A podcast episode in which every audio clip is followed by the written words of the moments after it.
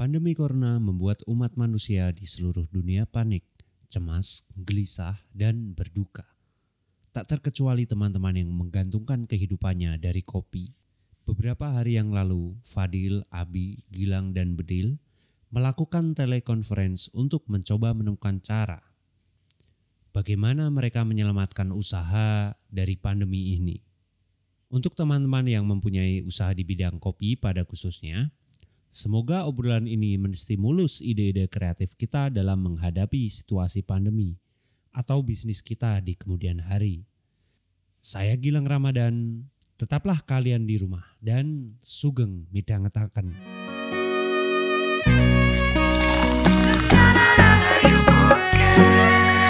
kita akan ngomongin tentang corona. Corona itu apa sih? Enggak, kita nggak akan ngomongin corona itu apa. Semua orang juga udah tahu. Yang jelas kita eh, coba buat ngangkat isu corona yang eh, berpengaruh sama kopi ya keseluruhan mungkin di seluruh dunia nih. Mas Abi itu kayaknya baru pulang dari eh, luar negeri ya Mas ya? Iya, aku baru balik dari Amsterdam. Harusnya sih ke beberapa kota di sana. Ha-ha. Tujuan awalnya sebenarnya buat Amsterdam Coffee Festival, tapi Amsterdam Coffee Festival dibatalin satu jam sebelum em, kita dikasih waktu loading. Jadi kalau di sana modelnya beda ya, event itu tuh dibikin flow-nya. Jadi Oh. tenan di booth nomor sekian boleh masukin barang, Ha-ha. mobilnya datang dari jam cuma dikasih 45 menit buat Ah. loading in barang semua. Setup di dalamnya itu agak bebas. Em, jadi waktu itu keputusannya eh, satu jam sebelum acara dimulai. Jadi Di-cancel. karena dengar-dengar sponsor utamanya itu em, punya regulasi nggak mau ngambil resiko eh, penyebaran Hmm. walaupun di Belanda event itu dianggap sebagai eh, low risk. Jadi waktu awal isu COVID itu muncul sampai dengan detik-detik terakhir sebelum dibatalin, mereka tuh punya list event apa aja yang akan ada dikategoriin ini high, medium, low gitu. Tapi akhirnya Hmm, iya iya iya. keputusannya bahkan yang sampai yang paling low itu? Mas? Wow. Wow ya. Jadi ke sana juga nggak jadi nggak ngevent ya, jadi nggak ngapa-ngapain ya Mas ya? Iya mas, mungkin diajak belajar buat semua mas. Eh ya kita juga jadi banyak pertanyaan sih sebenarnya, Ta- tapi kemudian kejawab ya maksudnya ngapain sih kamu tuh ke luar negeri lagi isu-isu pandemik gini sedunia kan? Se sedunia lagi panik lah gitu. Apalagi yang eh, udah ketemu suspek-suspek dan yang positif-positifnya tuh bahkan ada yang meninggal udah ratusan orang kan di luar negeri tuh terutama di Italia, Korea sama China ya. Gitu. Hmm, Tuh, jadi em, sebetulnya sih ada beberapa rencana kayak sebelum ke ke Belanda sebetulnya em, aku sama Pak Eko itu diundang buat em, konsultasi em, kebun kopi di Okinawa. hmm, Itu juga di cancel. Jepang. Di cancelnya harusnya berangkatnya hari ya Jepang, Jepang Selatan. Itu harusnya berangkatnya hari Sabtu, hari Jumat. em, teman kami yang di sana ngambil keputusan kayaknya agak riskan deh. Ya udah akhirnya ya dibatalin. Memang dari pihak acaranya juga Dibatalin membatalkan. Iya. Wow. Ya memang banyak banget ya acara yang dibatalin sedunia Jadi tuh. memang banyak banget eh, rencana yang jadi ketunda. Tapi ya Memang. ya udah em, ya udahlah ini mah masalah eh, prinsip ya. Semua orang mengalami hal yang sama. sih. betul betul betul. itu basic basic benchmarknya sih dan semua orang juga lagi di tahap yang nggak ideal jadi pun em, sekarang pengambilan keputusan untuk bisnis untuk ngejalanin hidup sih udah ngambil skenario yang terburuk Iya, aja betul. sih tapi nanti kita ngebahas soal, soal itu deh Nah, Kita itu dia bikin makanya. flow-nya aja aku ngikut dari moderator Mm-mm. Nah, ini kan kita merespon nih, merespon apa yang dikatakan sama eh, Mas Bedil yang di tag sama kita tuh. Nah, itu kan dia resah soal iki corona tuh udah mencap me- mencapai gimana ya? Udah udah mempengaruhi lah, mempengaruhi secara, secara langsung. Mungkin Bisnis bisa ini. kita bacain dulu mas. Mm-mm. Bedil tadi nge-mention kita itu di story dia. Bedil ini ada di sini nih juga ya dari Solo Mas Bedil.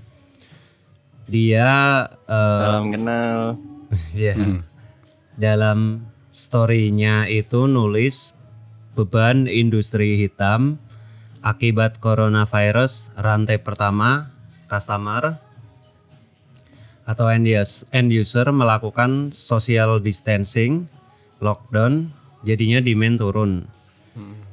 Daya beli turun karena ekonomi yang melemah, industri lain lesu dan alokasi dana bonus pendapatan yang digunakan untuk jajan tidak ada. Nah, ini rantai dua, coffee shop survival dengan beban operasional yang kemungkinan besar tidak tertutupi, serba salah untuk buka atau tutup karena kebijakan pemerintah dirasa belum bijak. Nah, kendalanya eh, yang dihadapi coffee shop lain ini dia berjuang hanya mengendalikan cash flow, profit di nomor dua kan dulu. Mm-mm. Nah ini ada rantai ketiga. Problem rantai ketiganya tuh roastery, Roastery. yang bernegosiasi dengan kondisi market kopi shop seperti di atas. Supply sourcing bahan green beans yang belum stabil.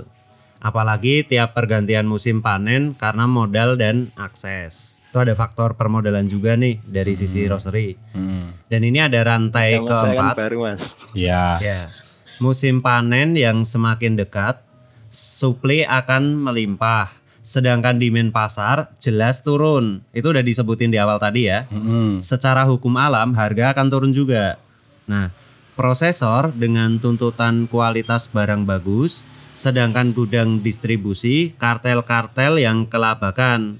Karena demand lokal turun dan trader yang belum bahkan tidak datang akibat regulasi negara global perjalanan luar negeri. Ini maksudnya gimana? Di poin ini. Hmm, agak rancu sih ya kalau aku. Eh, kalau misalnya dihadapin sama isu si COVID-nya ini, eh, itu kan sebenarnya isu yang memang sudah terjadi gitu. Iya. Tanpa COVID pun itu bisa terjadi. Iya ya. Nah, eh, eh, kalau mungkin di, di skip ya. Ya. Nah, Nah, di ini skip aku kalau yang aku- soal quality, soal menghadapi panen dan lain-lain. Mungkin secara ininya aja pasarnya aja supply and demand Iya, kali ya kita. Aku ini aku sebutin apa? Aku lanjutin yang rantai kelima ini. Hmm. Petani yang diprediksi bulan-bulan panen makin dekat dan dituntut untuk menjaga kualitas cari bagus. Sedangkan suplai melimpah dan entah akan bagaimana stabilitas penjaminan harganya. Nah, itu. Nah, jadi Mas Bedil ini ngelihat bahwa si corona ini punya dampak ekonomi gitu kan. Semua orang juga sebenarnya udah tahu, tapi problemnya kalau di kopi bagaimana? Ini kan yang perlu kita coba buat diskusi ya Mas Bedil. Yes. Gitu. Nah, jadi kue piye solusinya Mas Bedil? Dia bertanya. Eh, apa ya? Sol- solusinya gimana tuh? Enggak sih sebenarnya eh, yang terfikirkan olehmu untuk istilahnya memperbaiki atau setidaknya menyelamatkan sedikit banyak eh, di di antara lima itu. Itu yang kamu kepikiran apa sih? Misalnya di- kalau di coffee shop nih, nah, solusinya apa sih? Eh, misalnya ya udah semua di GoFood aja gak usah ada yang datang ke coffee shop gitu biar social distance-nya masih jalan jaga jaraknya masih jalan Bisnisnya juga jalan. bisnisnya tetap jalan kan kalau misalnya GoFood jalan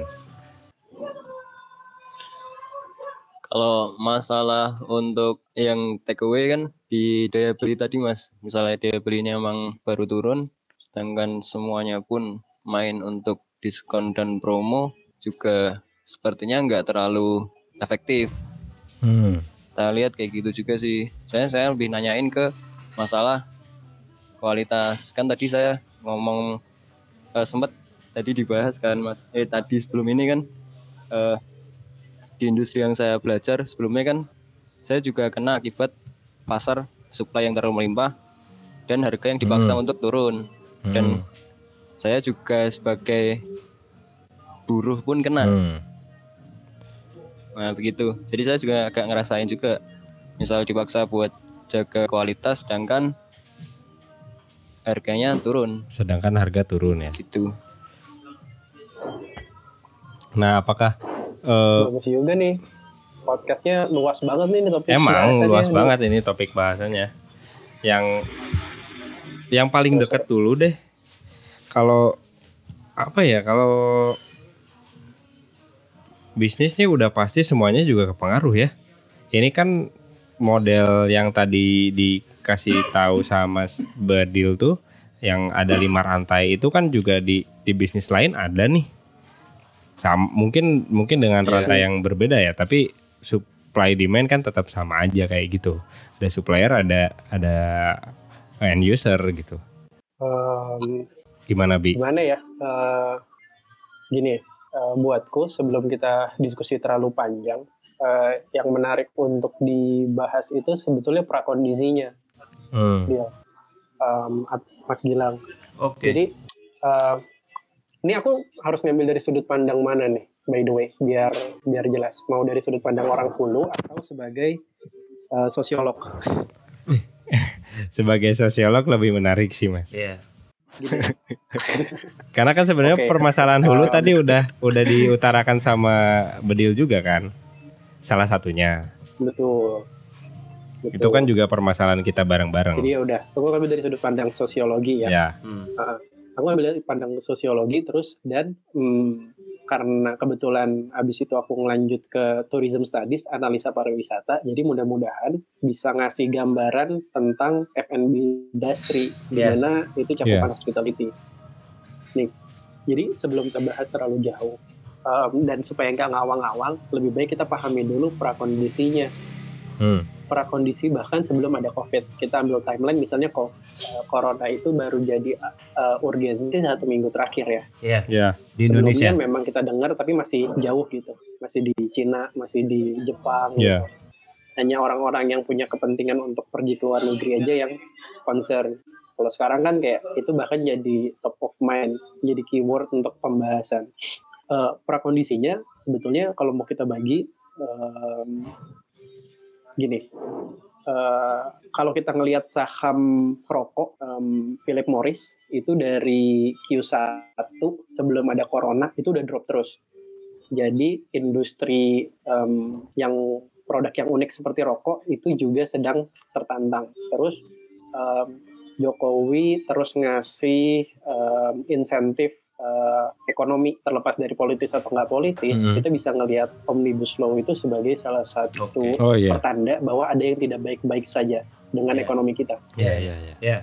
Kita kesampingkan dulu pembahasan mengenai ekonomi macam apa yang pengen dicapai ya. Hmm, hmm. Apakah ekonomi yang berbasis pertumbuhan yang untuk jangka dekat atau jangka panjang. Tapi terlepas dari itu, sudut pandang yang diambil sama Indonesia melihat bahwa ada sesuatu yang tidak baik-baik saja, merespon apa yang terjadi di pasar. Yep. Itu harus disepakati dulu prakondisinya. Em, sama aja sebetulnya bahkan sampai ke tataran level yang mikro di UMKM. Em, bener atau enggak karena datanya susah dikumpulin, em, banyak orang yang merasa lebih susah em, mendapatkan lapangan pekerjaan, lebih susah eh, akses terhadap hal-hal kebutuhan dasar kayak sembako, pendidikan, kesehatan gitu. Em, sebenarnya ini kalau mau kita lihat udah terjadi dan sudah diamini dari eh, Pilgub DKI 2018 Oh dua tahun yang lalu. lawan Ahok dua tahun yang lalu. Nah, isu utama yang dimainin sama em, sama eh, Pak Anies kan memang dua itu kan, akses lapangan pekerjaan dan yang kedua eh eh sorry eh, kepemilikan lahan pekerjaan sama akses terhadap hal-hal mendasar. Makanya keluar dah tuh OKOC, OKO Oh trip, iya iya Nah. iya iya iya. iya kan. Jadi maksudku kalau kita mau memahami yang sekarang, sekarang ini cuma ledakan dan terasa sangat parah karena kita punya prakondisi-prakondisi sebelumnya Hmm. gitu. Dan berarti Uh, kita berarti si situ. corona Nah, ini terus- faktor eksternal yang memperparah juga. Oh iya, eh, kita harus ngelihatnya kayak gitu karena kalau karena itu akan ngebikin skenario kita ke depan dan possibility yang kita punya apa aja. Kita Hmm. mungkin nggak akan bisa kayak Cina yang lockdown, kita nggak bisa punya eh, kebijakan kayak Singapura atau Vietnam yang benar-benar full control. Em, kita juga nggak bisa kayak misalnya Italia, Eropa Belanda eh, yang ngambil tenang-tenang aja. Em, kita punya kondisi unik di mana level pendidikan kita, struktur demografi kita, em, model kita berusaha itu eh, sangat determinan dan sangat mempengaruhi langkah apa yang sebetulnya jadi langkah kita di depan. Setiap pilihan yang kita ambil itu harusnya berbasis dari masalah yang ada. Nah, menurutku prakondisinya harus dikumpulin lebih banyak dari situ mungkin bisa relevan ke hal yang paling mikro yang ada di eh, di di ekosistem kopi kita misalnya kalau mau ditarik. Tapi ke banyak hal lainnya sebetulnya. Ke hidup kita sebagai pelajar hidup kita sebagai pengusaha hidup kita sebagai roster kecil atau petani. Prakondisinya harus dipahami dulu sama informasinya harus digather dulu harus dikumpulin sekomprehensif mungkin. Dari situ kita baru bisa tahu apa yang eh, memungkinkan untuk kita lakukan. Tanpa itu sih mm, jalan aja sih kita tanpa itu kita cuman jalan maju tapi nggak lihat di depannya jurang atau tanjakannya terlalu tinggi Wah. gitu mas Fadil Dalam banget ya kayak gini. ya. Oke.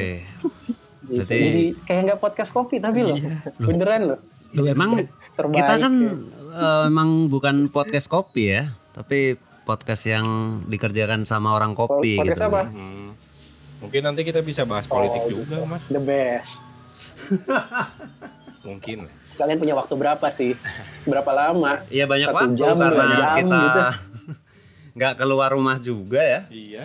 nggak keluar workshop lebih tepatnya, bi. Dan kayaknya orang-orang yang dengerin podcast lebih betah loh sekarang. Kalau dulu mungkin nyari yang di bawah satu jam. Sekarang kan wah yang lama lah. Dan gue gua gua gua di di di rumah terus nih. lama ya Iya. Ya. Oh, Jadi bi, boleh ini nggak soal, halo, Mas Abi, iya. Iya, iya. boleh di ini nggak eh, disimpulkan sementara gitu? Kalau kita ngomongin eh, fenomena ekonomi yang sekarang karena terdampak dari corona ini kita nggak bisa cuman ngambil itunya doang. Karena harus harus ngelihat dari sebelum sebelumnya juga ya Harus komprehensif. tadi. benar ya kalau di uh, benernya um, ini kan segala hal yang terkaitan dengan forecast dengan langkah apa yang mau kita ambil ke depan lentingan apa yang harus kita um, tuju itu sebetulnya berangkatnya dari titik tolak Hmm. jadi orang suka lupa kita ngambil strategi apa ya gitu tapi dia cuma ngelihat um, data tiga hari ke belakang ketika isu corona benar-benar wah sales gue turun banget iya nih iya iya Um, wah konsumenku kafenya tutup nih gitu. Iya. Nah harus diambilnya dari prakondisi sejauh apa sejauh mungkin. Kenapa? Supaya kita punya banyak jalan yang jadinya kebuka ketika kita harus ngejalanin. Hmm. Kita udah believe sama jalan ini membawa kita menuju titik apa. Seenggak-enggaknya titik ini lebih baik daripada titik yang lain. nah bi Mas Abi Piye piye piye. aku jadi ingat eh, dulu omonganmu pas di Jogja itu apa ya? Karena kamu pernah ngomong kan beberapa kebijakan-kebijakan yang kita bikin itu adalah kebijakan-kebijakan reaksioner gitu ya. Itu yang sebenarnya harus sedikit kita reduksi ya bi. Hmm, Iya kan? Betul betul. jadi Iya. kayak em, sebenarnya kayak gini kondisi sekarang kan memang orang-orang baru ngelihatnya di di satu persoalan doang nih. Jadi aduh aku jualan kopi di warung kopi. Biasanya pelanggan ke tempatku perekonomianku jalan gitu kan bisnisku jalan. Nah sekarang karena ada anjuran dari pemerintah dan karena kes- beberapa kesadaran mereka eh, apa namanya terus mereka jadi bingung karena salesnya turun nah langkah-langkah yang dilakukan kemudian mereka oke memilih eh, dengan cara yang sangat sederhana nutup dulu warung kopinya atau dengan merumahkan sebagian dari karyawannya kayak gitu sih nah ini kan Hmm, emang Eh, udah ada yang merubahkan ya? Oh ada, ada ada. Hmm, FYI, oke. warung-warung kopi ya ini ya, coffee shop ya. doang. Ini eh, Iya, iya, baru warung kopi, kemarin warung kopi. baru kemarin eh, ada isu kalau misalnya beberapa eh, warung yang eh, mempekerjakan eh, anak UGM, maksudnya mahasiswa UGM, itu ada ultimatum dari rektornya kalau misalnya masih kerja aja itu nanti ada hmm, mungkin skorsing sanksi secara akademis kali ya. Itu ada kemarin. Oh. Kemarin itu berarti 21 hari Sabtu ya, biar ya, orang-orang aku dengarnya konteksnya. kemarin 21 dua- tanggal 21. T- Oke, re- oke. Tindakan reaksi dari ini ya dari Rektorat UGM ya. Ayo, kalau ini juga Mas eh, mau nyambung juga. Tadi kan eh, sempet emang mulai dari awal tahun 2000 2018. Nah, dua tahun lalu. Nah, kalau selama jam sekarang itu emang penanganan dalam kasus tadi itu emang udah efektif apa terus diperparah dengan ini sebenarnya kalau emang itu tuh lebih baik dari kemarin tuh lebih baik terus ke- apa, gara-gara wabah terus jadi kayak gini apa emang grafiknya emang turun terus diperparah dengan wabah gitu juga Em, sebetulnya kalau kan em, bandinginnya orang bikin bisnis itu biasanya year on year ya. Em, turunnya berapa persen dibandingin tahun lalu di periode yang sama. Jadi Q1 itu memang agak berat untuk beberapa company sih. Hmm. Yang paling kelihatan sih memang sah- saham Sampurna. Eh, bentar ya, aku sambil cari deh biar valid. Em, tapi eh, memang agak berat sih. Kita bisa ngelihat nih. Ini dalam enam bulan terakhir emang turun terus terus terdalam memang beberapa bulan yang eh, beberapa eh, awal-awal bulan ini. Sebentar, sebentar, se- se- se- kita lihat ya. Year to date year to date. Ya berarti per terakhir bagus banget itu 4 Maret. 4 Maret sekarang hancur banget. Tapi tapi kalau kita lihat grafik 5 ta eh satu tahun terakhir ya drop banget sih memang. Dari kita lihat 2020 awal ya fluktuatif banget. Walaupun tidak sangat jelek eh, fluktuatif. Jadi memang ya lumayan lumayan. Tapi ya dihajar corona ya baba ya semuanya. Tapi terlepas dari itu em, em, hal-hal makro kita eh, nah ini yang seru dari Indonesia sebetulnya. Ini agak melebar lagi nggak apa-apa. Hmm, Iya. Gak apa-apa. diskusinya. Nggak apa-apa.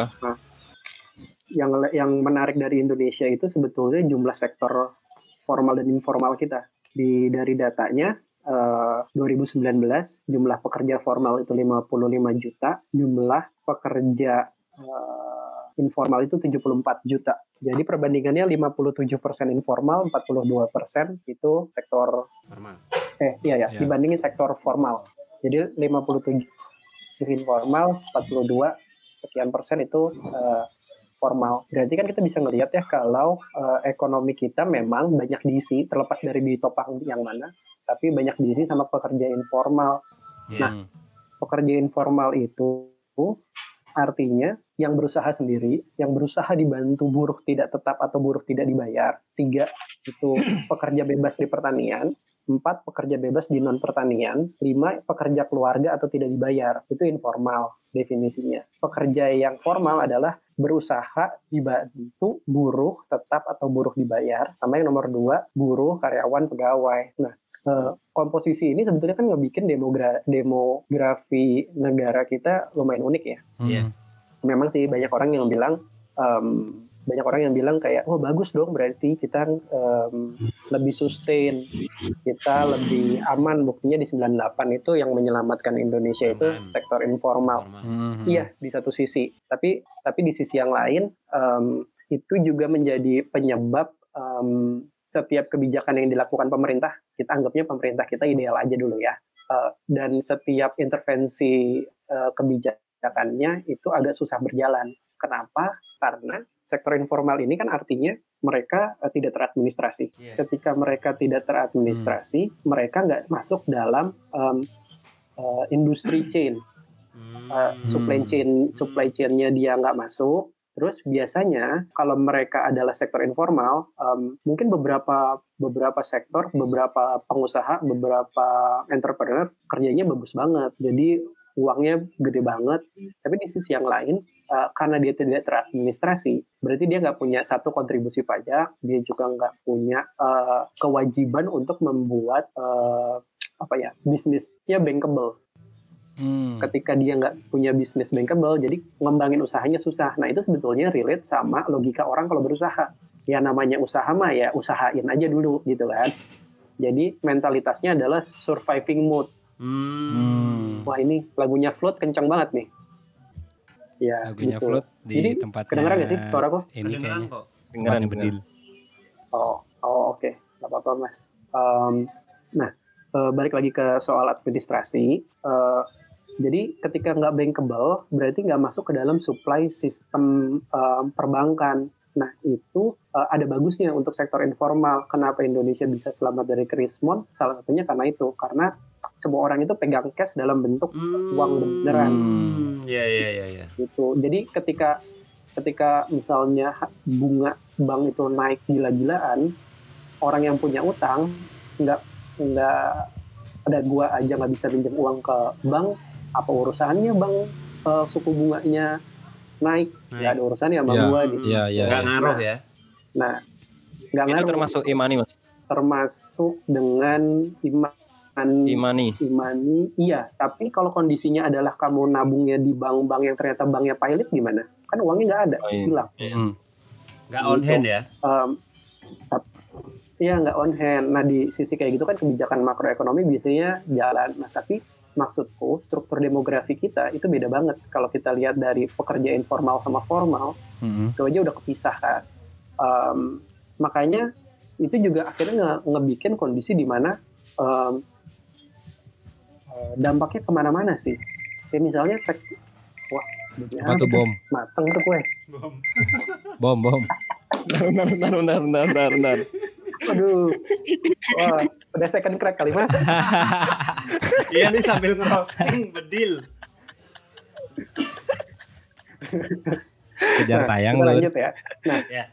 pekerja informal itu kan ya udah, gue mah bekerja sesuai dengan apa yang gue mau gitu kan. Kami eh pekerja kecil adalah bos atas usahanya sendiri gitu ya. Ya. Ya memang, makanya dari situ kita punya banyak waktu luang. Anak-anak muda kita dan kebetulan demografi kita kebanyakan angkatan kerjanya adalah eh, lagi banyak-banyaknya bonus demografi dan diisi dengan pekerja informal makanya dugaanku kita bisa ngelihat Indonesia itu punya budaya nongkrong jadi iya memang secara Hmm. budaya kita punya budaya nongkrong tapi kalau kita ngelihat dari data lebih banyak pekerja informal yang tidak memiliki jam kerja yang tetap kita jadi susah punya prediksi secara Indonesia kayak gimana gitu Mm-mm. kalau misalnya itu yang ngebedain akhirnya kalau di luar negeri dengan jumlah pekerja formalnya yang uh, banyak Lebih banget banyak. 80% gitu misalnya atau bahkan beberapa negara sampai 90% uh, transportasi publik lebih gampang diatur karena orang tahu kan pemerintah Oh, tahu jam berapa dia harus iya, ngasih iya. bus lebih banyak jam berapa dia harus ngasih bus lebih sedikit Iya. jam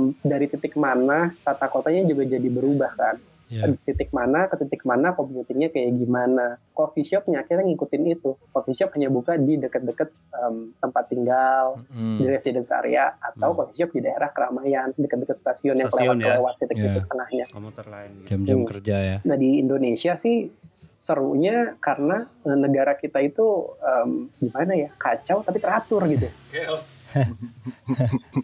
Teraturnya Itu di yang bagian mana, sih memang Itu bisa bisa disebut teratur. teraturnya ya? tetap tet- tetap ada polanya lang Hmm. Hmm. walaupun chaos tapi tetap ada polanya misalnya ketika lebaran tiba-tiba naik jumlah konsumsinya Iya. itu kan chaos tapi teratur itu Oh. kalau kita ngelihat datanya lebih jauh lagi itu itu itu uh, termasuk nah dari situ sih menurutku kalau kita tarik ke em, corona kalau misalnya kita mau tarik ke corona lagi sebetulnya hmm, Oh enggak ding, enggak ding. Sebelum nyampe ke corona ada hal yang lebih penting lagi sih. Kita harus mengakui bahwa coffee shop itu uh, didesain untuk memenuhi kebutuhan kelas menengah. Kelas menengah yang tercipta dari sisi sektor informal dan dari uh, mereka yang punya pendapatan lebih Iya. gitu. Oke oke. oke. Nah, kalau kelas menengah ini definisinya juga banyak. Kelas menengah itu ada yang em, kalau kalau eh, Bank Dunia Hmm.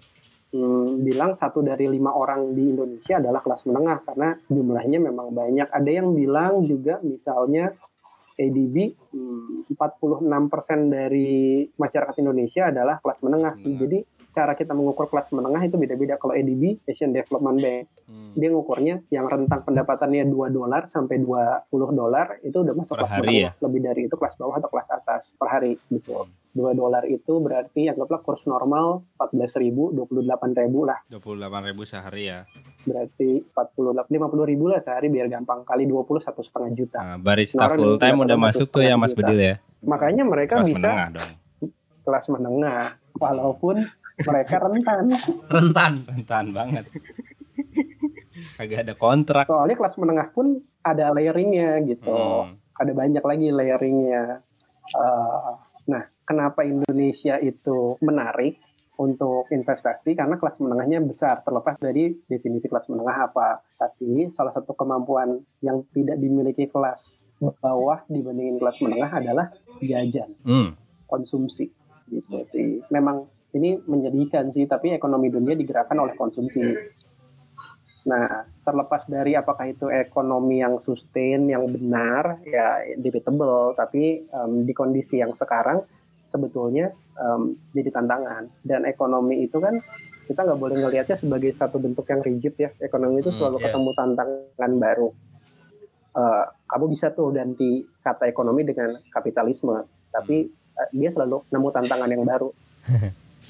Nah, em, karena ekonomi kita bergerak atas dasar sudut pandang yang akumulasi kapital, Iya. yang menurutku jadi penting juga adalah kita ngelihat kapital itu sekarang udah bergerak atau bertransformasi diri menjadi apa aja. Kapital bukan cuma penguasaan tanah di era feodalisme, Hmm. bukan kepemilikan alat dan koneksi di era aristokrasi, Hmm. Tapi di era teknologi, informasi, menurut Manuel Castell itu udah jadi uh, salah satu kapital. Iya. Nah, di situasi kayak gini, akumulasi kapital menjadi sangat penting sebetulnya. Hmm.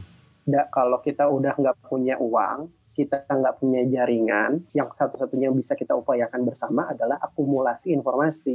Hmm. Termasuk melalui podcast Itu ini ya, Bi. pesan siapa itu? Si Iya, Bedil. boleh. kursi kursi kursi kursi kursi maaf maaf Nggak apa-apa. Kosan cewek itu yang dengar itu cukup sabar. darurat ini. iya Iya. darurat. termasuk termasuk di era eh, termasuk di bidang kopi sendiri sih. Iya. Hmm. Jadi menurutku em, mung- ya jelas eh, podcast ini nggak akan bisa mengcompile semua hal, tapi seenggaknya keyword yang penting untuk dipahami eh, kita semua adalah kita pahami dulu prakondisinya sejauh mungkin.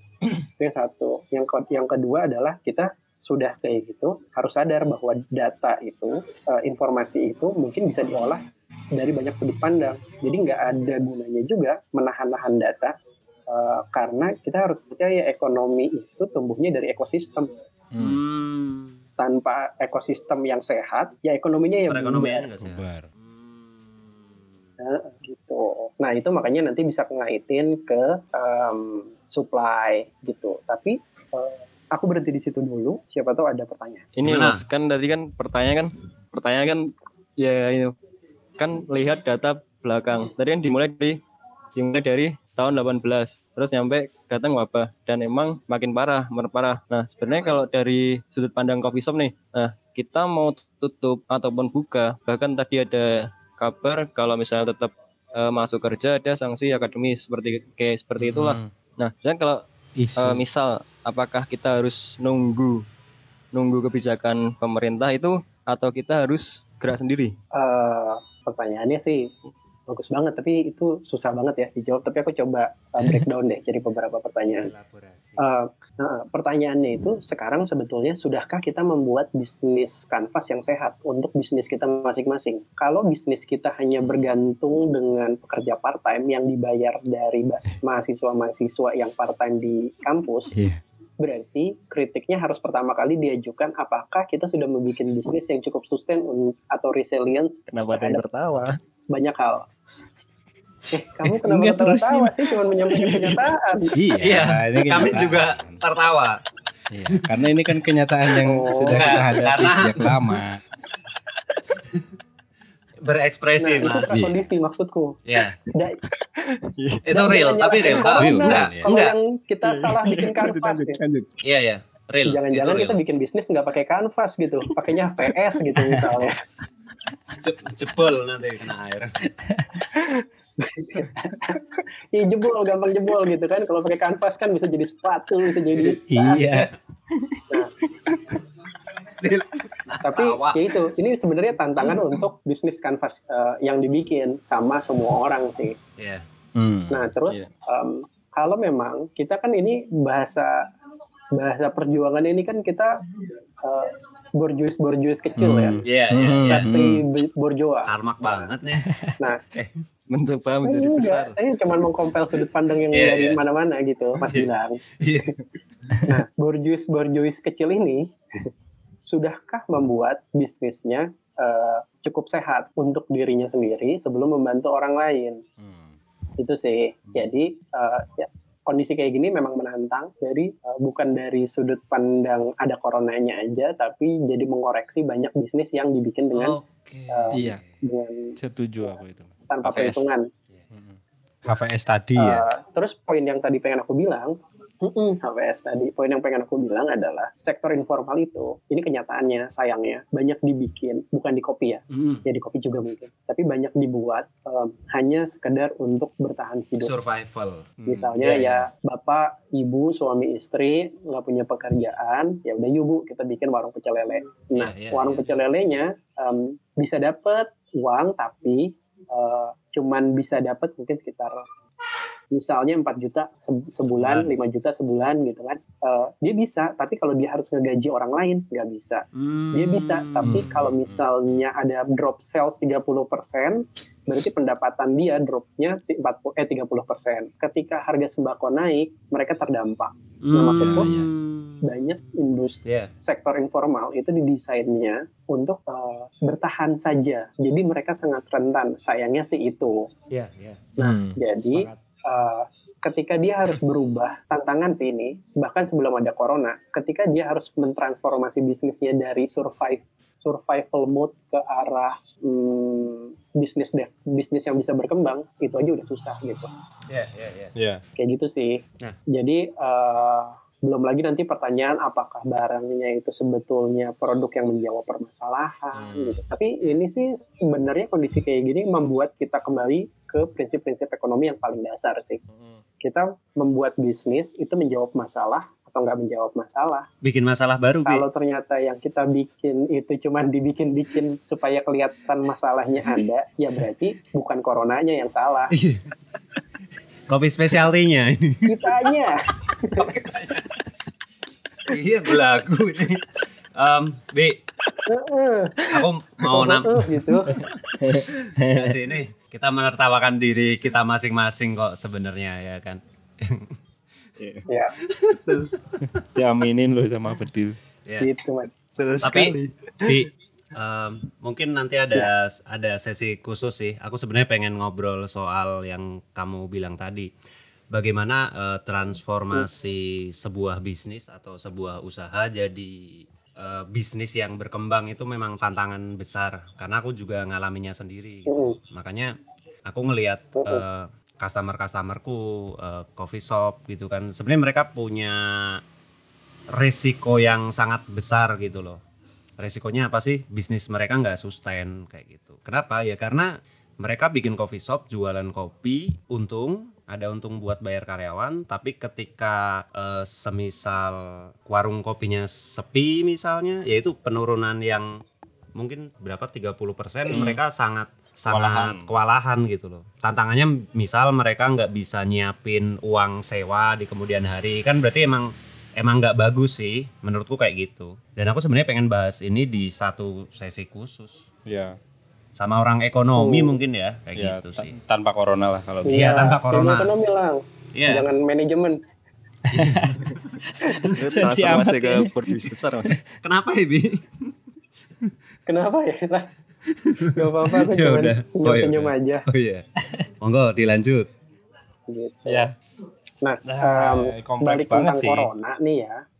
Eh, Ya. ini delay kayaknya. Iya. Eh, Monggo Mas Fadil dulu aja deh. enggak enggak lanjutin aja Mas Abi. Oh, Oke, aku yang lanjutin ya kalau gitu. Jadi em, tentang corona, sebetulnya eh, beberapa lembaga itu udah ngebikin eh, plan tentang apa aja yang harus dicermati. Nah, daripada daripada kita ngedesain desain sendiri, padahal udah lebih banyak orang yang lebih pinter dari kita, ini mungkin bisa jadi eh, rujukan. Jadi ada lima hal penting yang harus direspon. Namanya struktur respon eh, dari COVID-19. Ini bisa dibawa ke bisnis yang paling kecil kok sebetulnya. Kita asumsikan bahwa yang pengen kita lakukan adalah, hmm, yang bisa kita lakukan adalah eh, nyelamatin bisnis kita masing-masing, mencari tahu posisi kita ada di mana sebagai pekerja ya. bukan cuma sebagai pemilik uh, bisnis walaupun uh, skalanya mikro. Uh, yang pertama itu yang harus diamankan sebagai yang pemilik usaha itu um, uh, work work workforce protection. Jadi hal-hal yang terkait dengan gimana caranya kita ngejalanin bisnis itu harus diproteksi dulu. Jadi kita harus ngamanin orang-orang paling dekat dari kita. Nggak usah ngamanin yang jauh-jauh dulu. Yang paling dekat pun harus dipikirin. Nah caranya itu sebetulnya misalnya ya, misalnya hmm, manajemen ngambil keputusan yang jelas. Terus pola komunikasi dibikin jadi dua arah. Manajemen jadi bisa ngedengar ja, keluhannya pekerja. Pekerja juga harus cukup percaya bahwa manajemen sudah memikirkan sudut eh, pandang yang tidak hanya bisa dilihat dari sudut pandang pekerja. Dua arah ya. Terus um, kalaupun memang bisnisnya ya dua arah, kalaupun memang bisnisnya harus terus berjalan, uh, fasilitas kerjanya sama um, norma kerja kerjanya, aturan kerjanya itu harus di, dibikin berbeda dengan kondisi normal. Itu sih. Itu yang itu yang pertama. Terus yang kedua, um, bikin supply chain yang stabil. Maksudnya supply chain yang stabil karena bisnis kita itu kan saling terhubung satu sama lain kan. Betul. Jadi kita harus ngelihat kita itu sebagai sebuah supply chain dari bisnis yang lebih besar. Jangan kita pengen ngebikin A ternyata um, uh, yang dibutuhin sama ekosistemnya bukan bukan itu. Nah itu jadi penting yang tadi aku bilang tentang informasi adalah bentuk kapital. Hmm. Dan kata kuncinya memang trans, transparansi sih. Nah untuk bikin bisnisnya tetap bisa berjalan, satu supplier suppliernya harus diajak ngobrol. Jadi kecipta hmm, engagement supplier. Terus inventory-nya harus dibikin sedikit lebih jelas. Produksi operation-nya harus dibikin secara khusus. Terus nah, yang menarik kan kita semua lagi ngejar demand kan sekarang kan. Cuman kita harus sadar bahwa yang kita jadiin sasaran konsumen belum hadir dengan kebutuhan yang berbeda hmm. dengan biasanya. Jadi demand manajemennya pun harus dipikirin gitu. Ya udah kita nggak bisa ekspektasi bisnis kita secara normal gitu. Orang banyak cuman mikir, oh berarti kita harus ngerumahin karyawan. Iya sih memang, itu jadi hal yang uh, tidak terhindarkan. Tapi hal itu dialami sama semua orang. Jadi jangan khawatir gitu. Yang penting sebagai pemberi kerja, ngasih jaminan bahwa nih loh untuk enam bulan ke depan seenggaknya kamu kalau cuma pengen jajan nasi telur di burjo mah masih bisa gitu oh, memang jadi nggak bisa double indomie pakai telur satu gitu hmm. tapi minimal kalau nasi nasi telur di burjo mah masih bisa lah nah Semua kalau dari sudut pandang pekerjanya gimana um, dari sudut pandang pekerja. Nah, itu itu benernya harus diukur sih, Del. Maksudku balik lagi ya ke prakondisi apakah sebelum ada corona sudah ideal atau belum ideal. Kalau belum ideal, ya berarti kita di kondisi normal aja dia nggak bisa mencapai sesuatu yang betul gitu. Apalagi di kondisi yang tidak betul. Hmm. Ya, jadi ya, bisa ya. jadi betul-betul tidak betul tuh. Ya. Oke. Okay. Berarti istilahnya kenyataan. yang tadi ya, ya. kita cekikikan itu kan memang ternyata belum normal gitu mas iya iya kan iya iya terus kita berharap nah itu kelemahan itu, dari silahkan sektor diedit. informal. Enggak enggak diedit ah. Ngeblong aja ngeblong. Bagus. Kan ngobrol ini mah transparan loh mas Bedil. Nah, kita ngomongin uh, transparansi. Nah tadi udah di mention tuh transparansi Nah, terus yang mungkin bisa dilakukan um, sama yang melibatkan dengan pekerja, nggak usah kita ngomongin nanti pekerjanya dipecat atau enggak ya, tapi yang besok yang bisa kita jalanin itu adalah customer engagement. Ketika ketika konsumen kita, eh ternyata di saat yang susah kita masih punya konsumen atau kita punya database konsumen, um, di situ sebetulnya kita sudah bisa sedikit bersyukur. Karena dengan gitu kita bisa ngebikin uh, proteksi uh, customer protection Jadinya kita bisa ngebikin kayak eh um, masih inget nggak bisnis kopi yang namanya Rahayu? Masih. Oh, masih dong. Apa yang Rahayu bisa bantu untuk kamu? Gitu. Uh, itu bisa dilakukan. Kalau kamu nggak punya lawyer customer ya hmm, susah memang. Aku nyala ya, sorry ya. Monggo. Nah, bisa jadi katakanlah si corona ini udah kelar nih dengan ekspektasi bisnis kita bisa balik lagi malah ya tetap buntung kayak gitu nggak sih bi? Yang yang pengen kita renungkan tuh sebenarnya. Jadi kayak momentum ini adalah momentum yang tepat untuk kita uh, merenungkan kembali gitu loh. Kayak core problem bisnis kita tuh udah bener atau belum sih? Kayak gitu udah bener-bener kuat gitu ya bi? Lebih jauh dari itu menurutku sih kita sebagai um, pribadi personal uh, human being itu sebetulnya lagi lagi dikasih kesempatan untuk eh, berhenti dan melihat sih. Kalau ya itu yang waktu itu aku ngobrol sama kamu lah. Kalau kita ya di buku Homo sapiens kan memang tergambarkan betapa manusia itu suka mengambil jalan yang salah, dianggap benar hanya sekedar untuk uh, kebutuhan-kebutuhan yang jangka pendek gitu. Nah, em, kondisi ini sebetulnya ngebuat kita jadi berpikir bahwa sebelumnya kita berpikir ekonomi baik-baik saja, edukasi baik-baik saja, struktur struktur em, pemilu kita baik-baik saja. Kan kalau kayak gini kita jadi berpikir ulang bahwa banyak hal yang prakondisinya ternyata tidak baik-baik saja. Oke. Betul. Termasuk customer itu sendiri. Semuanya. Iya nggak sih? Itu betul. Jadi Jadi di, di segala aspek. jangan-jangan jadi- Segala ya, aspek. kita bisa langsung. ngomong, jangan-jangan kita bisa ngomong bahwa yang terjadi sekarang, yang yang selama ini kita eh, hidup di di diskurs yang hiperrealitas, Iya, iya. Hmm. kesadaran Hiperrealitas. hiperrealitas. Iya. Benar, benar, Bi. Jangan-jangan konsumen Aduh, berat. em, kopi ya bukan ternyata nggak sebanyak itu. Ternyata yang datang ke coffee shop cuman orangnya itu-itu lagi. Ternyata bisnis yang bertahan sekarang adalah bisnis yang customer oriented gitu. Bahwa omongan kita tentang mengedukasi market itu em, ya kita mengedukasi tapi kita lupa membalancing dengan hal-hal yang lain. Nggak cuman dari sudut pandang bisnis, menurutku dari sudut pandang manusia pun kita jadi bisa ngelihat banyak hal sih. Kan kalau nggak dikasih sakit biasanya orang nggak berhenti. Iya, Bi. betul. Meskipun kadang berhentinya sebentar ya, Bi. Tapi iya. mabuk-mabukan lagi kalau kamu itu itu yang Aku tiga bulan, Bi, berhenti mabok, Bi. Pernah itu. Oh, berhenti berhenti beli apa berhenti? Enggak, berhenti minum, ber- berhenti minum alkohol. Cuman tiga bulan habis itu. Baik, Dikit, baik, tapi sekarang dikit. Iya iya. Itu itu hal yang sangat wajar banget nanti terjadi kalau misalnya beberapa bulan ke depan corona selesai, itu orang kan bakal eh, berpikir ulang gitu.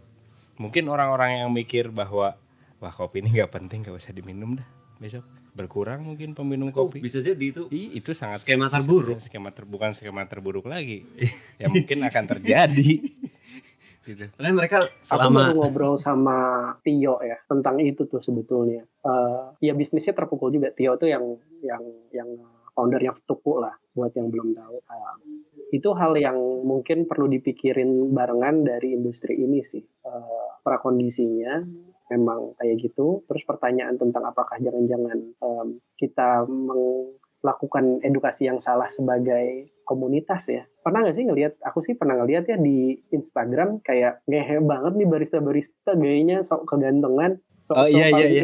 gitu. Twitter, Tapi Twitter ya tuh. benernya mah ya lu tinggal bi- cuman bikin kopi gitu. Iya di Twitter. Jadi udah banyak konsumen kelas menengah yang ngehe juga itu komen ke eh, pola komunikasi dan pola edukasi eh, warung kopi. Dan menurutku itu udah ada diskursnya di pikiran banyak orang. Hmm, Iya. wacana-wacana seperti itu ya. Nah, Pikirkan ya. Iya, jadi menurutku itu perlu diwanti-wanti. Nah ya, balik lagi ke Tio, Tio itu mengantisipasi jangan sampai ketika semuanya sudah kembali normal, em, antusiasme orang dan kebiasaan orang minum kopi itu menjadi hilang karena terputus. Hmm. Nah itu PR-nya ekosistem sebelum kita ngomongin ekonomi. ekosistemnya.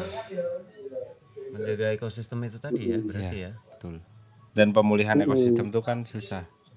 Betul. Nah, itu di di sisi nah balik ke ekonomi, deal sebetulnya em, ada dua hal eh ada satu hal terakhir sih. Em, kita harus sadar betul bahwa yang kita jalanin sekarang itu sesuatu yang nggak normal. Jadi aku ngobrol sama hmm, ada temanku, dia bilang banyak company besar itu memang sudah tidak lagi mengejar pertumbuhan di saat ini. Segala budget yang terkait dengan pertumbuhan, awareness itu di ditaruhnya ke eh, tunjangan-tunjangan untuk pegawai. Bayangin, jadi yang diamanin itu betulnya bukan investasi ke mana-mana, investasinya ke diri kita sendiri, ke teman-teman yang bantuin kita bisnis. SDM ya.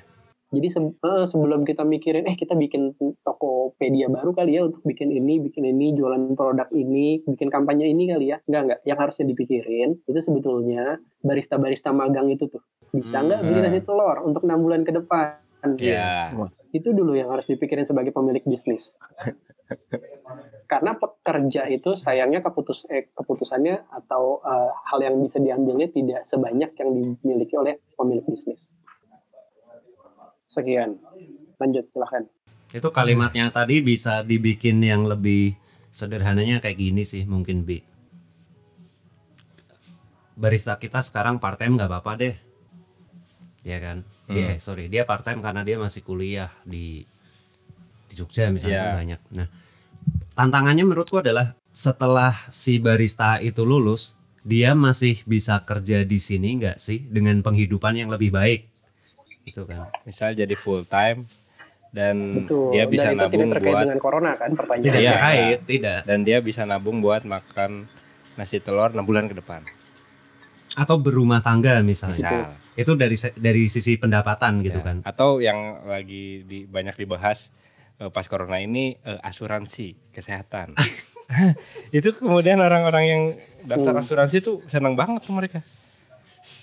Wah, gua untung gua Hmm. ngantor katanya, gue dibayarin asuransi sama kantor. Jadi sekarang kalau mau kalau kena corona, gue bisa langsung ke rumah sakit gitu tanpa bayar katanya gitu. gitu ya menghidupi Iya, iya. orang-orang Betul yang yang ya yang bekerja dengan kita gitu Ya, dan ya. itu konkret banget. Itu kemewahan dari sektor formal. Nah, Iya itu. Jadi nggak selamanya jelek. dan sektor informal harusnya belajar juga kan Em, iya, sebetulnya kan eh, pada akhirnya kan eh, itu eh, ada kondisi yang lebih jauh lagi sih dibanding itu. Eh, Panjang lagi. yaitu lu. pendidikan. Itu kayaknya kita bikin eh, part 2 ya. Bikin dipecah jadi dua gitu ya. Iya. Nah, enggak, terserah. nggak bi. Kalau soal pendidikan tadi gimana bi? pendidikan eh maksudnya em, gini eh, satu kualitas pendidikan kita tidak merata eh, Indonesia terlalu luas. Eh, ya mungkin nanti bisa kelihatan sih dampaknya ruang guru kayak gimana. Eh, akan akan mengubah. Tapi eh, setauku ya eh, teman-temanku eh, yang dari eh, UGM misalnya lebih punya kesempatan untuk masuk ke company-company yang eh, ngasih pendapatan lebih baik. Masuknya ke company. Eh, sementara banyak teman-temanku yang misalnya D3 SMA gitu eh, akhirnya mereka nggak bisa masuk ke sektor inform eh masuk ke sektor formal. Jadi struktur informal dan formal kita tidak berubah karena sektor pendidikan kita tidak berubah karena eh, terakhir ya, itu hmm, asymmetric information sama ada yang salah banget sih sebetulnya sebelum masuk ke asymmetric information bayangin yang aku kenal teman-teman terbaikku ketika kuliah maksudnya yang baik secara akademis ya itu eh, tidak membuat usaha oke jadi pengusaha-pengusaha kita adalah mereka yang eh, basic knowledge-nya itu eh, rata-rata Secara Terus? akademis. yang belum lagi perma ya itu dari ranking eh, di sekolah. Oke kita kita negasikan bahwa sekolah itu memang hanya diciptakan untuk kepentingan industri. Yang sebagian asumsinya aku sangat percaya memang. Tapi di sisi yang lain em, banyak anak-anak em, universitas yang bagus itu ujung-ujungnya jadi pekerja. Justru teman-temanku yang kepepet banget akhirnya yang jadi pengusaha. Makanya sudut pandangnya eh, bukan berarti nggak bagus, tapi sudut pandangnya eh, tidak jadi sangat sistematis. Mungkin dibutuhin di dunia usaha, tapi itu akan ngebikin eh, kondisi di mana eh, sektor informal kita atau bisnis yang diciptakan oleh mereka yang em, akses terhadap pendidikannya tidak sangat tinggi eh, hanya bisa bertahan di surviving eh, moodnya tadi. Ya cuman gini, aku cuma lulusan SMA, cuma lulusan SMP, bisanya bikin pecel lele gitu. Begitu diomongin bu, kenapa nggak bikin eh, tempat pecel lelenya dua? Kan bisa eh, ya kalau yang satu sepi ya masih ada yang satu lagi ya. Nggak ya se- sesimpel nggak kepikiran aja gitu dan itu juga bukan berarti jelek itu sah sah saja sangat sah sah saja. Dan eh, tapi itu in- dari sudut pandang formal informal itu jadi jadi tercipta ah, agak susah diubah. Mm-mm. walaupun pemerintah kita bilang harus punya NPWP untuk bikin rekening dan lain-lain tetap aja angka pajak kita di bawah 10% gitu sih pak. Nah nah terkait nih terkait sama kok eh terakhir nih sorry. Terkait sama em, corona yang harusnya jadi penting juga dibikin adalah hmm, ini sih stress eh, tes finansial sih.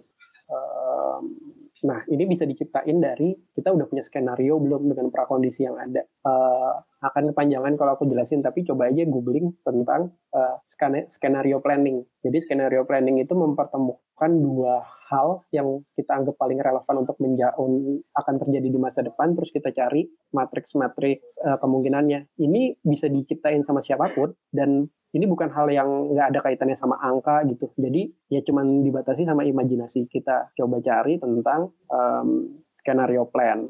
Gitu. Itu ya salah satu keywordnya Jadi ya. kemungkinan apa aja yang akan terjadi di masa depan. Masa depan. Hmm. Nah, Gitu. Mas Bedil. Saya masih muasabah mas.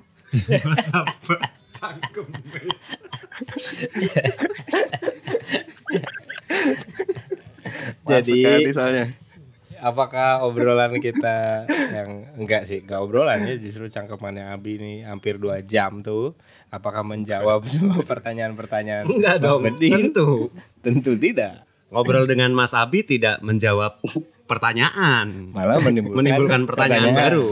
Pertanyaan. Tapi justru solusi yang baik adalah lahir dari pertanyaan yang baik, Mas Abi. Betul. Itu Mas Gil. Ya. Jadi teman-teman semua tetap tenang, tetap bersabar dan mari kita analisa bersama, mari eh, kita bikin skenario planning ya untuk meminimalisir kebijakan-kebijakan reaksioner kita. Ter- terkait sama hulu sih itu lebih absurd lagi sih karena beneran kita ngomongin ranahnya ranah informal semua Eh, itu kayaknya akan butuh setengah jam tambahan sih kalau kita bicarain masalah itu tapi lumayan krusial karena dugaanku hmm, ada aku nggak tahu sih ini Eh, jadi gini yang paling meresahkan dari sektor hulu itu eh, yang diresahkan sama sektor hulu adalah eh, bukan bukan tentang mm, pembelian secara langsung ke petani tapi lebih ke arah ada yang beli atau enggak. Jadi kita nggak usah ngebahas dulu beli di harga berapa, di kualitas kayak gimana, tapi akan ada yang beli atau enggak. Karena kepastian itu yang menggerakkan petani hari ini berangkat ke kebun ngurus eh, kebunnya atau ladangnya atau enggak. Ini berlaku untuk kopi, sayur atau apa pun sih. Em, jadi hmm, sebagian aku udah tulis sih di blog eh, blogku. eh, tapi ini tentang hmm, ini tentang asymmetric information sih. Itu masalah paling besar yang bahkan sebelum ada COVID ini em, sudah terjadi. Jadi eh, pertanian berladang entah nanam melon, entah nanam cabai, nanam tomat, nanam wortel atau nanam kopi, itu kan adalah cara yang dipandang oleh masyarakat di pedesaan untuk mengakses eh, uang. Walaupun orang pedesaan itu self sufficiency-nya tinggi tanpa eh, mengandalkan hidup pada cash, tapi mereka tetap perlu cash untuk bayar listrik, untuk bayar sekolah anak, untuk beli baju menjelang lebaran, kayak gitu. Em, jadi uh, kalau di tanaman hortikultura kan itu cuma tiga bulan, empat bulan gitu kan. Bayangin kalau uh, hari ini di pasar Caringin misalnya di Bandung gitu, uh, kol habis, uh, wortel habis, semuanya habis gitu. Karena orang panik buying. Di sisi yang lain, dua hari kemudian orang nggak keluar rumah, nggak ada yang beli. Barang tiba-tiba banyak kan. Nah, pada pedagang kecil di pasar dekat rumah atau tukang sayur yang keliling itu kan belinya di pasar yang agak besar. Terus pasar yang agak besar, pembelinya, eh penjualnya beli di uh, pasar induk. Yang jualan di pasar induk dapat barang dari uh, agen-agen kan. Agen-agen itu uh, eh dari dari dari bandar. Nah, bandar dapatnya dari mana? Dari agen-agen di yang kecil di daerah-daerah. Misalnya bawang uh, dapatnya dari misalnya Berbes. kaki gunung Semeru gitu misalnya, misalnya atau. Brebes gitu ya. Iya. Eh, rantainya kan panjang banget walaupun sekarang ada sayur box tapi kan hmm, berapa persen sih yang di tackle sama sayur box gitu hanya kelas menengah dan sebagian kelas eh, dan sebagian pengusaha yang sudah memanfaatkan sayur box dengan sangat sempurna Em, yang masalah adalah eh, fluktuasi demand itu akan mempengaruhi keputusan eh, menanam apa hari ini. Gitu juga yang terjadi di kopi. Karena ketika sekarang drop drop drop drop penjualan di kafe yang pasti kan nanti green bean buyer atau prosesor juga mikir kan berapa banyak yang harus kita produksi hari ini. Terus nanti dari situ dia akan mengambil keputusan walaupun di Indonesia sekarang kayaknya lagi belum panen ya kecuali Sumatera ya. Sumatera udah mulai panen. Aku dapat pertanyaan dari tim ada dari teman di sana kayak eh, mau produksi berapa banyak? Mau mau bikin berapa? Banyak aku nggak bisa jawab. Iya, dan keputusan yang keputusan penjualan kita dua bulan ke depan itu kan diten eh, stok kita dua bulan ke depan ditentukan dengan jawaban kita hari ini. Nah, ketika jawaban hari ini nggak ada, aku nggak bisa kasih jawaban. Jadi untuk beberapa uh, ya walaupun di supply chain yang lebih besar, kopi Indonesia tetap lebih banyak dikirim ke luar negeri ya, di luar grade asalan, eh di luar grade specialty yang grade 1, grade 1 itu kan kebanyakan dikirim ke luar negeri. Nah, ketika yang di luar negerinya nggak bisa ngasih jawaban, sistem perdagangannya kan adalah company beli ke trader. Tradernya bisa independen, tradernya bisa dalam bentuk company lainnya. Multinational company beli kan multinational company. Nah, ketika yang di ujung konsumennya tidak uh, tidak beraktivitas seperti normal, pasokannya terganggu, terlalu banyak tidak pastian. Ketika trader nanya ke multinational company importer green bean, jawabannya juga pasti wah agak agak bingung tuh gitu. Nanti hmm. aja deh kita tunggu situasinya udah normal. Nah, jadi bel nih bel. Deal nih gitu maaf maaf maaf maaf jadi um, jadi konsekuensinya adalah yang terjadi hari ini kita bisa lihat di beberapa bulan ke depan terus aku ngobrol sama temenku uh, jadi di beberapa sentra produksi di Indonesia beberapa uh, beberapa banyak itu banyak banget sih bertonton green bean dari sisaan panen yang sebelumnya juga belum kejual. Oh. Um, jadi masih masih ketahan di gudang-gudang. Nah anggaplah dalam satu minggu, dalam dua minggu semuanya kembali normal gitu kan. Uh, atau dalam satu, ya nggak mungkin sih dalam dua minggu kembali normal. Dalam satu bulan dua bulan kembali normal kan berarti ini kan bulan tiga nih ya, bulan tiga dua bulan lagi kan di Jawa Barat bulan lima pertengahan. Nah itu akan mengganggu flow flow produksi aja ya keganggu. Jangan kita ngomongin yang terlalu jelek ya, yang lain-lain itu tapi kayaknya flow produksi akan keganggu deh. Akan ada barang banyak yang nggak bisa masuk ke gudang karena gudangnya masih belum bisa keluar. Sementara hmm. ekonominya belum belum sangat baik. Jadi, um, tapi terlepas dari itu, sebenarnya apa yang bisa kita lakukan adalah kita ngebikin um, keputusan. Jadi, uh, yang orang suka lupa di crisis time kayak gini adalah pengambilan keputusan. Terlalu lama wait and see. Padahal kita menunda keputusan itu, kita um, sedang um, menaruh posisi kita ke kondisi yang lebih tidak pasti gitu sih. Jadi kayak misalnya cerita tentang kenapa Amsterdam Coffee Festival diambil itu sebetulnya sekedar karena ya udahlah kita batalin aja dibandingin ketika event terus terjadi apa-apa. Hmm. Memang berat buat banyak orang tapi ya emang harus diambil. Gitu sih. Jadi memang harus punya skenario plan sama cut off-nya keputusan ini harus diambil kapan dan uh, kenapa ya dengan tetap mempertimbangkan gitu sih titik berangkatnya tadi ya cuman yang paling berbahaya dari uh, permainan ke hulu adalah asymmetric information ini sih Aduh. jadi merenung iya. muhasabah beneran ini dari tadi mas merenung tapi Soalnya ini kan Menteri apa? Pertanian kita memang bilang sih sembako diamanin, minyak diamanin, telur diamanin, daging ayam, beras, uh, bawang putih gitu. Nah itu semua kan diproduksi sama perusahaan besar ya. Coba deh kamu lihat. Aku aku lampirin di, di tulisanku juga sih. Uh, itu layak diapresiasi, sangat layak diapresiasi. Cuman barang segar itu tidak diproduksi oleh uh, produsen yang sangat besar. Barang segar itu di, produksi sama petani-petani kecil. Nah, petani-petani kecil itu sektor informal yang tidak mempunyai akses terhadap informasi, jadi terlalu banyak tebak-tebakannya.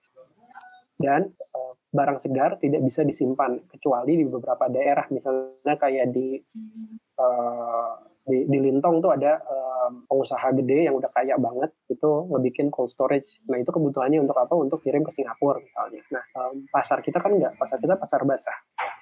Jadi uh, bahkan bahkan kita merasa tidak ada apa-apa uh, asymmetric information itu yang akan kerasa dampaknya dalam beberapa waktu ke depan. Kalau ini mas apa?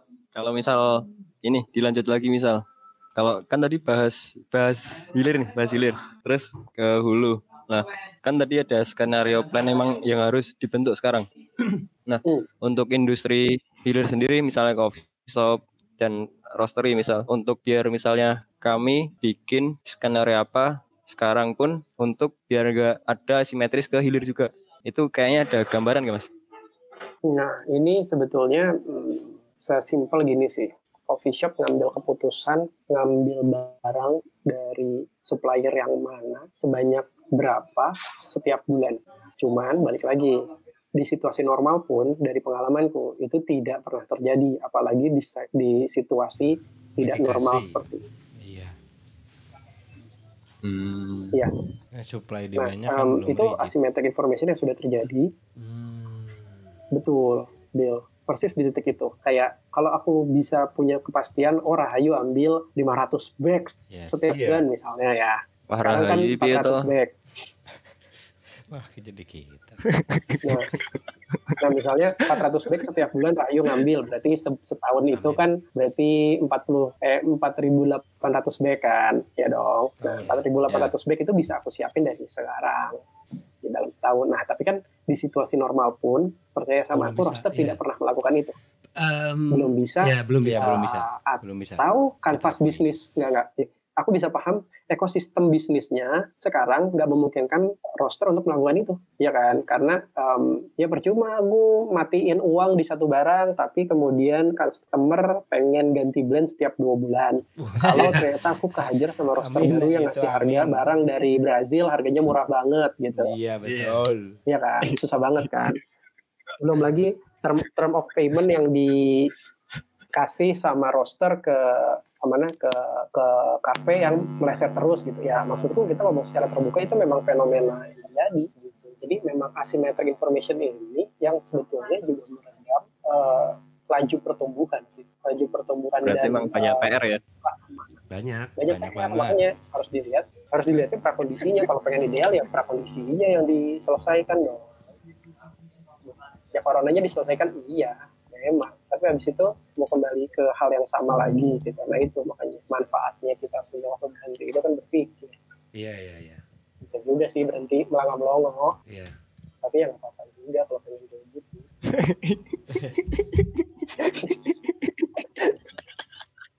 Ya, ini corona tuh kita dikasih waktu muhasabah yang cukup. Cukup dua bulan buat mikir buat mikir ke belakang nih kita udah melakukan apa. Yakin dua bulan mas? iya dua Yang- bulan itu iya. minimal loh Minimal. Oh, iya. Iya. iya. Itu kan pemerintah Yakin, yang yakin, yakin. Iya. iya Sampai akhir Mei kan dibilangnya. pokoknya sampai habis lebaran lah Mm. udah itu aja Habis itu kita bikin planning ke depannya seperti apa dengan kita juga tetap bertahan hidup. Iya Iya. hidup literally ya apa kita hidup mah literal. terlatih Iya, siap. tidak tidak terpapar kita lah ya terlatih kan kita Jangan terlalu informal. banyak mie instan ya, Lur. Nanti nggak corona malah kolit kan. Permasalahan lambung wah. udah makan sego kucing soalnya Mungkin ada kata-kata semangat sekalian. nggak ada fana semangat tuh kita kita nyemangatin udah udah cukup jadi denger obrolan kita tuh seharusnya semangat karena kita menghadapi realitanya emang kayak gitu. Terus kita harus jadi kayak motivator kayak gitu. Nah, itu bukan role kami men. Oke oke. yang itu kan banyak banyak orang cuma pengen ngedenger apa yang mereka pengen dengar Iya. mereka pengen lihat apa yang iya. lihat se- sekarang orang mau nggak mau kan baca. observasi. eh, terakhir banget. ya, dari aku nih. iya Em, kan tadi aku ngomong soal eh, ekosistem sebelum ekonomi. iya Hmm. Yang mungkin harus kita bikin secepat-cepatnya adalah dan disadari secepat-cepatnya adalah ini bukan cuma memukul industri kopi doang. Iya betul. satu industri kopi kan banyak layernya, tapi ini memukul industri lain, industri fashion, industri uh, burjo, industri apa ya, tukang nasi uduk Betawi gitu. Uh, jadi kalau pengen kolaborasi, jangan cuma sama anak kopi lagi, iya iya. Kolaborasi sama burjo, kolaborasi sama fashion industry, kolaborasi sama yang lain-lain yang cukup relevan untuk nge-tackle satu skenario plan. Karena um, ya karena karena masalahnya terlalu kompleks untuk dihadapi sama anak kopi. iya. Doang. harus dibagi ya bi. Itu Bagi- kolaborasinya jangan sama anak kopi lagi, kolaborasinya sama bagi- ya sama yang lain. ya Oke. terima kasih Terima kasih banyak. Gila. Penting. Ini udah banyak banget nih bahan muasabah kita. semoga bisa menemani teman-teman di rumah ya Ya. untuk kemudian eh, mencari bahan bahan-bahan untuk tetap waras. Betul. Gitu. Mas Abi Semangatnya mana mas semangatnya? Nggak ada nggak ada nggak ada Yuk, semangat yuk. Kesel banget tadi. nggak ada Mana semangatnya? Semangat. Wah, udah kayak Ada. pramuka lu. Mm-mm. Terima kasih banget. Eh, terima kasih banyak Mas Abi dan Mas Bedil yang sudah Makasih, melempar makasih isu. juga. Ya, Besok-besok kita ngobrol lagi dengan em, kondisi ya? yang lebih baik. Ya. Mudah-mudahan, mudah-mudahan amin. ya. Amin. Tuh Mas semangatnya tuh. Betul. Sampai Makasih banyak ya. Jumpa lagi ya. Yang ngerosting selamat ngerosting lagi. Ya.